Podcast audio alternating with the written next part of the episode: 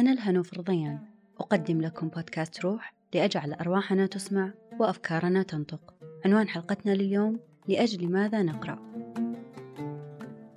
يأتيكم هذا البودكاست بالتعاون مع شبكة محتوايز. حلقتنا لك أيها الفضولي الذي تبحث عن أسئلة وتفتش في الإجابات لكن يردع وصولك لها عقبات كثيرة ومنها صعوبة القراءة.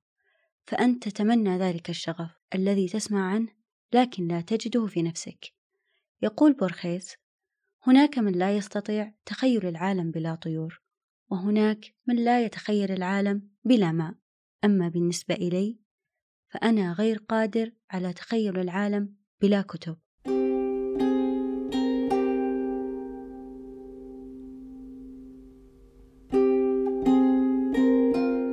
يحدث أن تقف أمام أرفف ملئت بالكتب أحجام وألوان وعناوين كثيرة. يتنقل بصرك بمهل ما بين كتاب وآخر تشعر برائحة الورق. كما لو أنها ملأت رئتيك وتتمنى لو أنك كنت قارئا جيدا لتعرف بسهولة بالغة ما سيملأ قلبك قبل عقلك. ولكن ذلك غير صحيح حتى القارئ الجيد. قد يتوه في منظر كهذا ولكن تمكنه خبرته في أن يستدل على ما يريد باسم مؤلف أو عنوان كتاب سبق له أن اطلع عليه أو قد يظل حائرا لأنه لم يصل بعد إلى وجهته.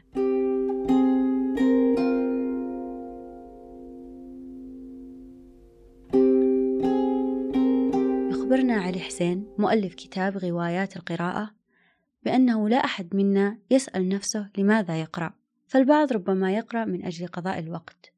والبعض الآخر يسعى نحو المعرفة. ونجد آخرين يفتشون في الكتب بحثا عن أنفسهم. فيما هناك الكثيرين نجد أن فضولهم يدفعهم نحو القراءة. وإحدى أهم فوائد القراءة كما يخبرنا جميع الكتاب هي أن نعد أنفسنا للتغيير. لذلك اقرأ كل ما يقع بين يديك بنهم بالغ. واكشف لأسئلتك النور. واجعل عقلك يزور تجارب لم يختبرها بعد. واملأ قلبك بكلمات وجمل لتعبر عما استحال عليك يوما التعبير عنه. واجعل روحك تسبح في فضاءات المعرفة.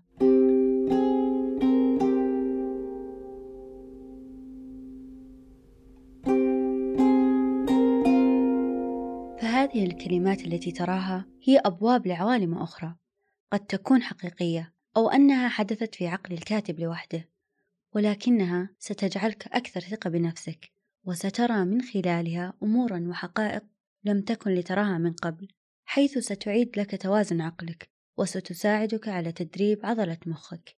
فقد قام باحثون ألمان بدراسة المخ عن كثب واكتشفوا أنه يمكن تدريب المخ مثلا عن طريق قراءة كتاب ومن ثم استدعاء المعلومات من الذاكرة وأنه هناك مناطق معينة في المخ تكبر بعد الاستخدام المستمر مثل ما يحدث مع أي عضلة بالجسم.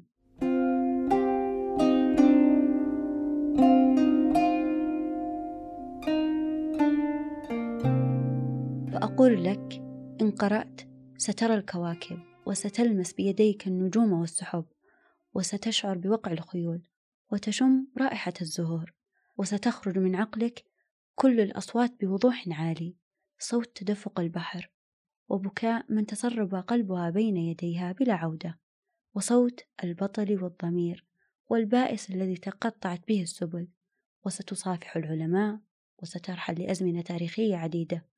وستشهد حروبا لم يعد لصليل سيوفها صوت منذ أمد بعيد. وقد تجد نفسك تعود للوقوف مرة أخرى لتشفى من وجعك وتتخفف بخيالك أو بمعرفتك مما تقاسيه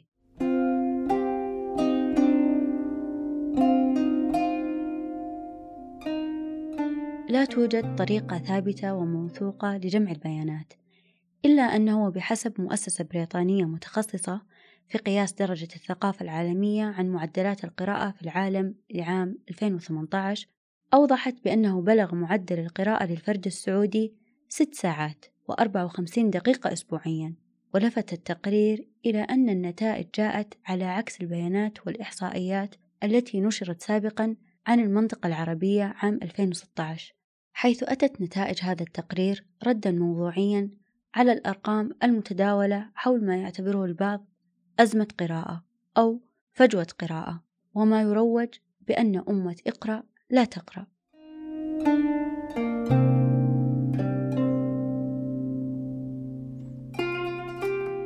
في الوقت الحالي الأطباء النفسيين يستخدمون القراءة كوسيلة إضافية في العلاج لتأكيدهم بأنها تساعدهم على تحسين الحالة المزاجية ورفع مستوى الإدراك والوعي. مثلا بمعرفة المشكلة ومحاولة الخروج منها بالقراءة في الكتب الملائمة لها فالحلول قد تكون مملة لكنها في النهاية حل.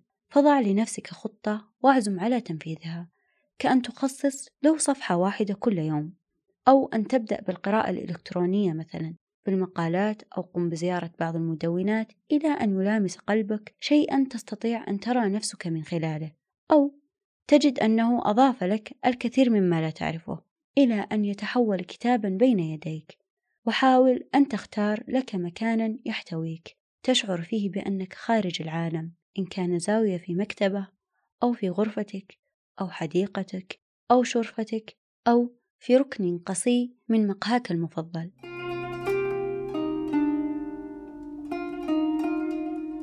اقرأ لسبب.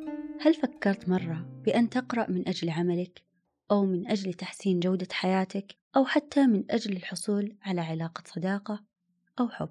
في رواية الفقراء كانت فرفارة تتلقى الدروس من بوكروفسكي وكانت تتمنى لو أنها تحظى بقربه. فقالت هو رجل واسع العلم كثير الاطلاع جم الثقافة. أما أنا ففتاة بلهاء لا أعرف شيئا ولا قرأت كتابا. ألقيت نظرة شوق إلى الرفوف الطويلة التي تكاد تتداعى من ثقل ما تحمل وتوزعتني مشاعر شتى وتمنيت فجأة أن أقرأ جميع كتبه. أن أقرأها كلها إلى آخرها أن أفعل ذلك بأقصى سرعة ممكنة. لعلني تخيلت في تلك اللحظة أنني إذا علمت كل ما كان يعلم فسأصبح أجدر به وأخلق بمودته. في الختام ما هي الكتب التي أثرت في أرواحكم وغيرت تفكيركم أو ساعدتكم في أعمالكم أو أنها فتحت لكم أبواب الحياة؟ شاركونا على وسم لأجل ماذا نقرأ؟ بعناوين هذه الكتب. شارك في إعداد هذه الحلقة إيمان القنيعي ولأن بودكاست روح يهتم بأرواحكم أيضا كانت هذه الحلقة.